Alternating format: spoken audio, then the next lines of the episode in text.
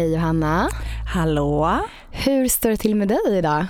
Men det är bra. Det går väl nästan inte att vara något annat efter en sån här panghelg, första riktiga sommarhelgen. Ja, det har varit otroligt väder alltså. Sjukt härligt. Meteorologisk eh, sommar har vi gått in i. Och vad innebär det?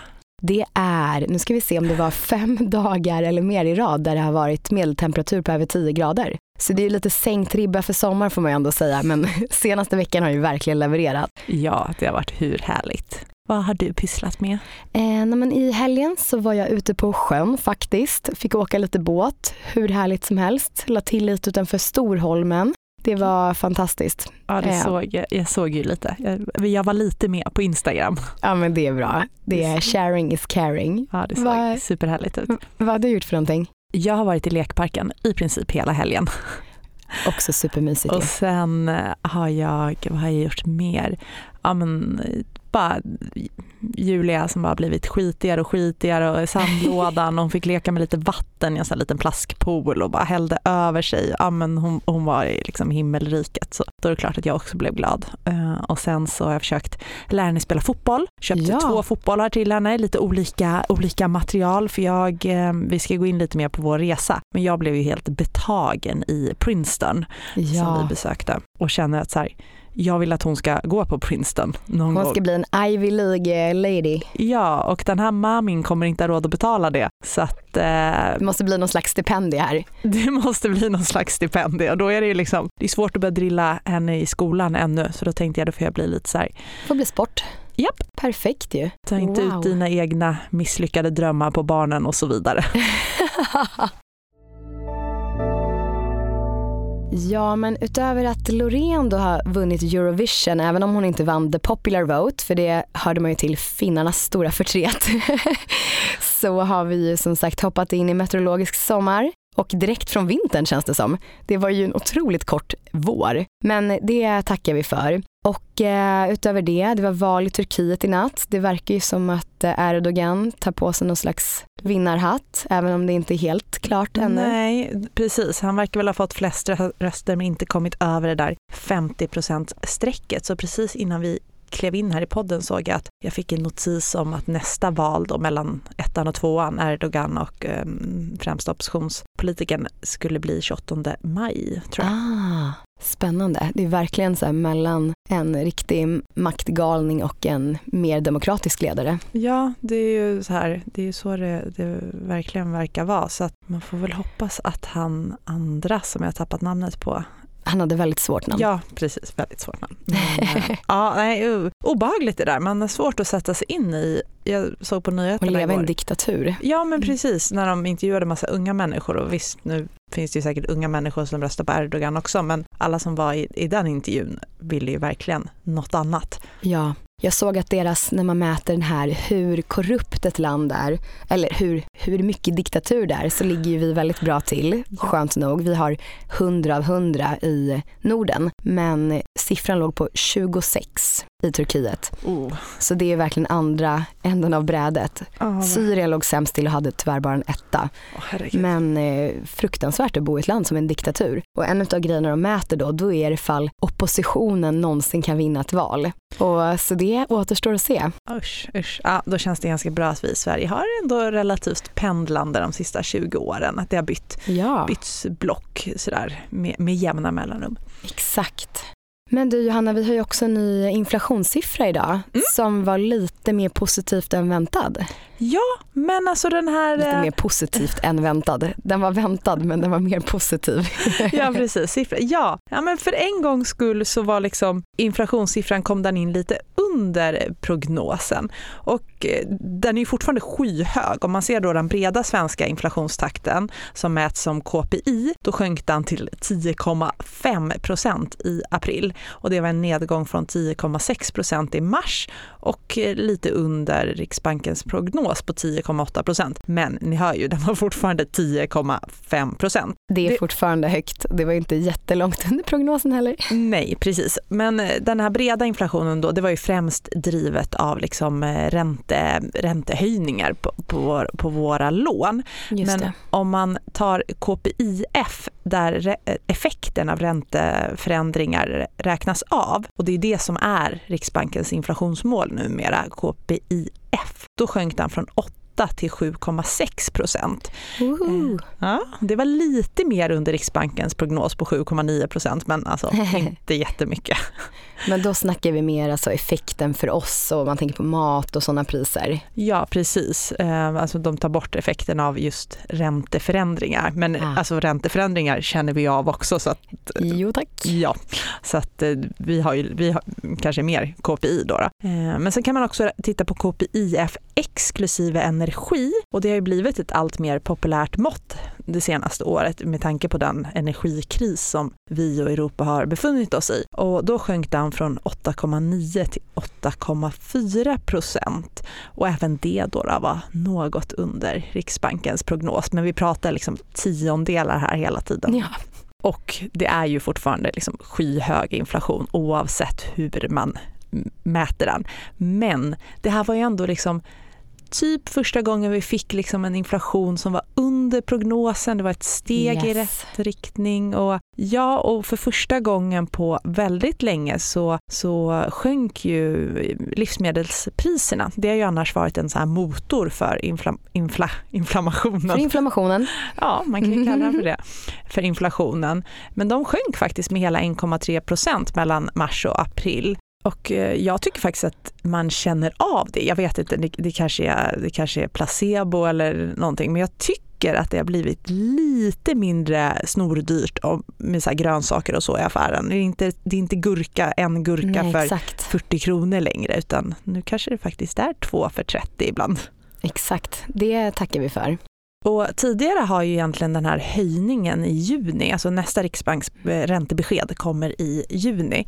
Och jag ska inte säga att det varit hugget i sten, men typ att det skulle bli en höjning då. Men nu så ser jag att allt fler bedömare säger att ja, om även majinflationerna kommer in, alltså den som presenteras i början av juni, om den kommer in något under förväntan också, då kanske det inte blir någon räntehöjning i juni, för då kanske Riksbanken ändå känner att de har fått...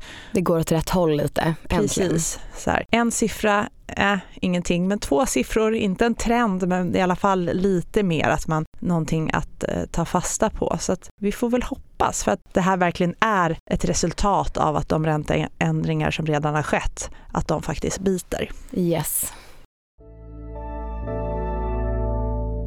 Ja, men Johanna, idag ska vi fortsätta med vårt lilla nedslag från vår resa till Staterna och eh, lite mer om Houston och eh, där vi var med Invesco och även New York där vi var med Blackrock. Så take it away. Ja, men först måste vi, vi väl bara landa lite i Houston som, som stad. Det var ju Märklig, stor, enorm, enorm stad. Enorm. Alltså, jag har nog aldrig varit en i en till ytan så stor stad, vad jag vet i alla fall. Nej. Jag för mig det tog kanske två timmar för oss att åka igenom. Och den, den är ju väldigt utspridd. Det finns liksom inget, ingen stadskärna som man ser på något sätt. Nej, det var bara bilvägar. Alltså bilvägar. Grått. Ja, ja, men runt hela stan eller runt slash in, ja, då var det ju alltid så här sjufiligt. Och sen det som då ska vara inne, tror jag, ska vara någon slags downtown. Det är väldigt svårt att säga, men, oh. men jag tror att vi bodde i liksom. Där, där var det ju fyrfiligt och så parkering på båda sidor ah. gatorna. Det är lite som att så här, Sveavägen här i Stockholm skulle... Var bara åt ett håll? Ja, åt ett håll och fyrfilig och sen att man fick parkera precis överallt. Och att även, inte Sveavägen, även alla små gator som Regeringsgatan ah. som vi sitter på, om det hade varit så här fyrfiligt och vi aldrig hade gått på gatan utan vi hade typ vinkat till varandra när vi satt i våra bilar och köade för att bege oss hem. Ja, nej, otroligt märkligt faktiskt och sen att det kändes så himla dött där inne. Ja. Det var ingen som, vad vi hörde, väldigt få som bor inne i Houston utan alla åker in och jobbar där och sen så åker man hem utanför och därför så blev det en väldigt ödslig känsla måste jag säga. Mm. Ja men du och jag hann ju ta en promenad där en eftermiddag och det var ju, alltså det var ju ganska så här sorgligt. De människor som var på gatan, de, eller var på gatan, men som, som vi mötte på gatan, det var ju ganska mycket utslagna, alltså hemlösa ja. människor vad det verkade i alla fall. Exakt. Så det var lite obehagligt ibland. Ja, faktiskt. Men annars så, vi var ju där för att besöka lite, lite bolag. Ja, det var vi. Eh, och vi fick ju först väldigt bra dragningar från Invesco på deras eh, kontor av deras förvaltare. Invesco är ju en av världens största kapitalförvaltare och verkade vad jag tycker, det, verk, det verkar som att de hade en stor organisation i Texas. De hade sitt huvudkontor i, i Dallas och sen så hade de ett jättestort kontor i Houston då. Exakt. Där vi var. Och då fick vi ju först en dragning kring hur de arbetade med ESG och hur de valde in och valde bort eh, bolag i sin portfölj. Sen fick vi ju en superintressant dragning om listed infrastructure, alltså ja, infrastruktur, fastigheter och annan form av infrastruktur och deras syn där. Och då var det ju väldigt tydligt att de tyckte att fastighetsmarknaden i Europa var och kanske primärt i Sverige var väldigt eh, övervärderad och det kommer, det kommer mm. vara det kommer vara smärtsamt. Eh, de pratade ju om att eh, fastigheter i USA hade en genomsnittlig belåningsgrad på 33 procent och det ah. är ju, eh, medan det var över 60 procent i Europa då på kommersiella fastigheter. Så det var Vilket ganska... gör det väldigt svårt för sådana typer av bolag nu med räntan. Ja precis och så, de pratade ju också mycket om hur, ja, men hur många kontor stod mer eller mindre tom, tomma. För att i USA har det verkligen varit svårt att få folk tillbaka till kontoren ah. och det förstår jag om man pendlar, man sitter i bilkö en, två timmar i varje riktning till och från jobbet, då skulle jag nog också gärna hålla mig på hemmakontoret. Men verkligen. Nej men kontentan var väl helt enkelt lite att de tyckte att eh, svensk fastighetsmarknad var iskall. Ja. Oh.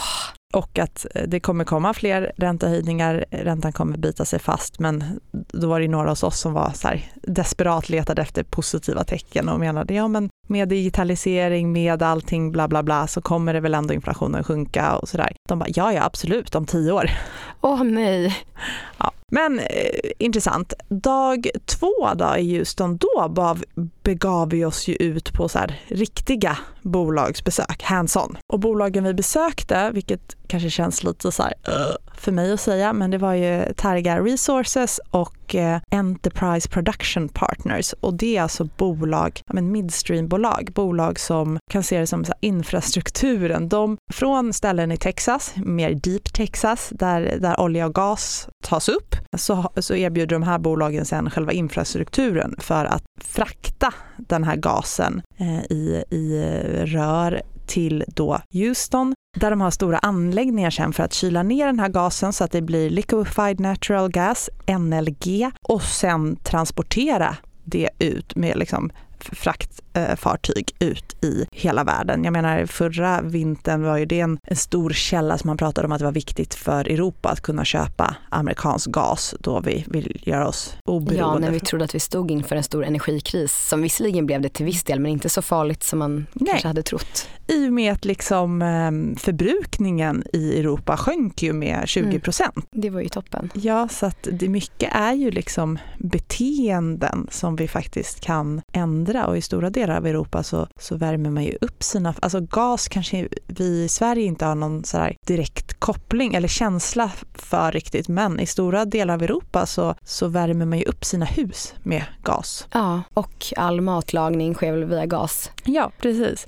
Äh, det var ju väldigt överväldigande att åka runt där och se hur enormt det var. Nu såg ju vi bara ett bolag som hade hand om en liten del utav det där. Men det var ju, vi åkte ju liksom, det var ju mil efter mil med de här långa pipelinesen. Ja, det var så det var Och så blev det, det var liksom, det blev, de hade så här anläggningar där, som stod ganska tätt placerade men de var ju värda varje sån här anläggning dit det kom de här pipelinesen och så kylde de ner och ja, processerade det. Det var ju värt flera miljarder, ja. varje, eller ett, ett, antal miljarder varje, varje sån här anläggning. Så det var ju enorma värden där. Exakt, de går väl att likna med någon oljeraffinaderi mm. fast för gas. Så det kändes ju, med tanke på det vi pratade om förra veckan också, så här, hur långt har de kommit i sin energiomställning? Ja, ja, mm. med tanke på satsningarna på de här så var det väl kanske inte, de ligger inte längst fram.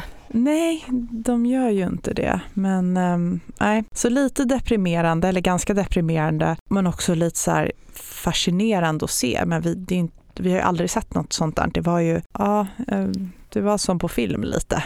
Verkligen. när, de gick, när det var arbetare där som gick runt och jobbade med, som hade de här, liksom, det var ju så varmt och de hade de här liksom, hjälmarna. Hjälmarna, Ja, mm. och såg bara, och så det här diset. Ja, det var väldigt speciell. Inte som någonting man har sett hemma. Nej. Och förhoppningsvis något som snart eh, kommer vara historia även där. Säga ska ju att de här bolagen vi besökte då, Targa Resources och Enterprise Production Partners, de är ju väldigt så här, lågt värderade sett till alla, alla typer av nyckeltal och så vidare. Men jag tycker inte det är så konstigt, för jag menar aktieplaceringar gör vi i regel med en långsiktig horisont. Och det här är ju faktiskt bolag som om de inte förändrar sig, då hör inte deras, affärs, deras affärsidé har liksom ingen plats i ett hållbart samhälle. Nej, det var ju så kul när du ställde den frågan och de började prata mer om att vi har gjort den här omställningen och de försöker ju jobba på ett mer hållbart sätt. Men vad gör det när själva produkten och hela essensen i det de gör Ja. hör ju inte hemma i någon slags Nej. omställningssamhälle. Nej, nej, nej precis. Intressant, men det var bra att du var lite på där tycker jag. Var, det tycker jag var skojigt. Ifrågasatte hela dess affärsidé. Okej Johanna, från Houston till New York efter ett litet haveri utav min egen väska. Om man tänker på, jag hade ju köpt ett par cowboyboots då va, i Austin och eh, jag hade med mig en sån här som man kan eh, väga sin väska med och ni vet så här, 23 kilo hade ju verkligen varit på, på grammet. Kommer dit, inser att det är inga 23 kilo de jobbar här, det är 50 pounds och vad är det? 22 och ett halvt. Panik. Ja. Men ja, väl fram i New York i alla fall så åkte vi raka vägen till Blackrocks nya huvudkontor. Efter ett litet haveri med bilköerna. Ja, gud. Det var, vi pratade med en taxichaufför, det kanske vi sa förra veckan. Nej, jag vet Nej. inte, vi säger det igen för det var ändå... Nej men att eh, under pandemin så köpte så otroligt många på Manhattan egen bil och att man till och med nu, och man kanske inte säga postpandemin för den är väl fortfarande alive and kicking på något sätt där. Det är jättefå som vill åka kommunalt och det blir ju fruktansvärt i en sån stad. Det tycker jag var en enorm skillnad. Är Ja, jättesvårt var- att ta sig runt. Det var helt galet, helt helt galet. Ja, men till slut landade vi ändå då något tagna, medtagna efter diverse väskhaverier och bilkör. Men anyway, på Blackrocks nya superfina kontor mitt på Manhattan. Och eh, då började det med en makrogenomgång där vi började med en makrogenomgång där, eh, jag ska inte säga att den var dyster, men det tydliga budskapet var ju att Blackrocks syn, det var att eh, det kommer inte gå att mjuklanda. Man kommer, alltså centralbankerna kommer inte lyckas parera att så här, inte höja räntorna tillräckligt mycket utan att ekonomin i stort ska få sig en, en törn, utan de var ändå ganska inne på att man kommer behöva höja så att det blir någon form av recession. Sen kommer man inte kunna höja så mycket som man skulle behöva, för det skulle ge allt för hårda effekter på ekonomin, vilket liksom leder dem in till att inflationen är nog här för att stanna. Den kommer gå ner, men eh, det kommer bli väldigt svårt att nå 2% kanske kommer nå 3 inflation om något, några år, men 2% var ganska långt borta. Och det här menar ju de är drivet idag primärt av en väldigt, väldigt stark arbetsmarknad. De pratade om att lönen för en sjuksköterska i New York, den hade tredubblats sen innan pandemin. Så att det, Mhm. det är en så hög efterfrågan på arbetskraft men en så pass låg arbetslöshet och fortfarande relativt många som står utanför ar- arbetsmarknaden och liksom inte vill eh, kliva tillbaka efter pandemin. Man kanske gick i förtidspension eller Ja, vad man kallar det. det. Det har ju blivit liksom en lönespiral uppåt för att efterfrågan på utbildad arbetskraft, ja, det, det, det finns ett gap där. Och det hjälper ju inte inflationen direkt. Nej, när vi arbetstagare kan vara picky.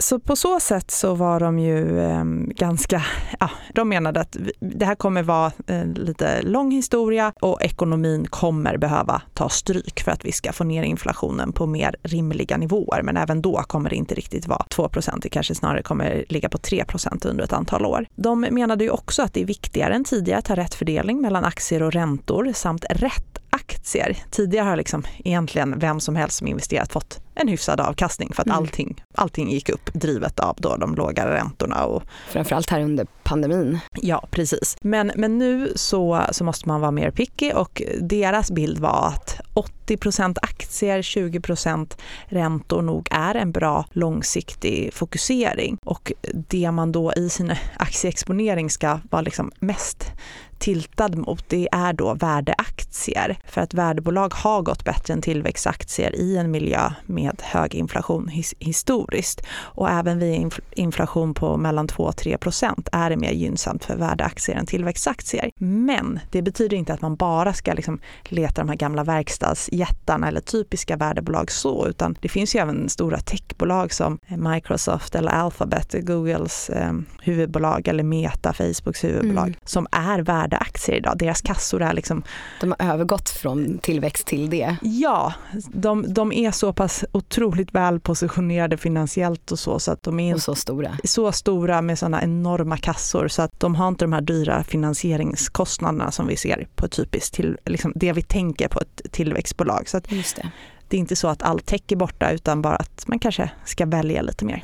Blackrocks strategiska vy då, då, deras liksom mer långsiktiga vy, det är att man ska vara något överviktad eh, aktier, men de menade ju då att 80-20 är nog en bra fördelning. Men det man ska fokusera på det är eh, developed markets, alltså utvecklade marknader, USA, Europa. Så. Men det här var i deras långsiktiga vy, för kortsiktigt så såg de ändå att inflationen och ytterligare höjda räntor kommer, kommer vara smärtsamt för liksom, amerikanska och europeiska börserna. Så att eh, på 6-12 månaders sikt så var de underviktade europeiska och amerikanska aktier men något överviktade Kina som de menar kommer gynnas av den öppning som sker nu som vi även har pratat om i podden. Men jag tänker att vi som lyssnar på den här podden, vi är väl långsiktiga till vår natur så att ja. vi lyssnar kanske mer på deras strategiska vy.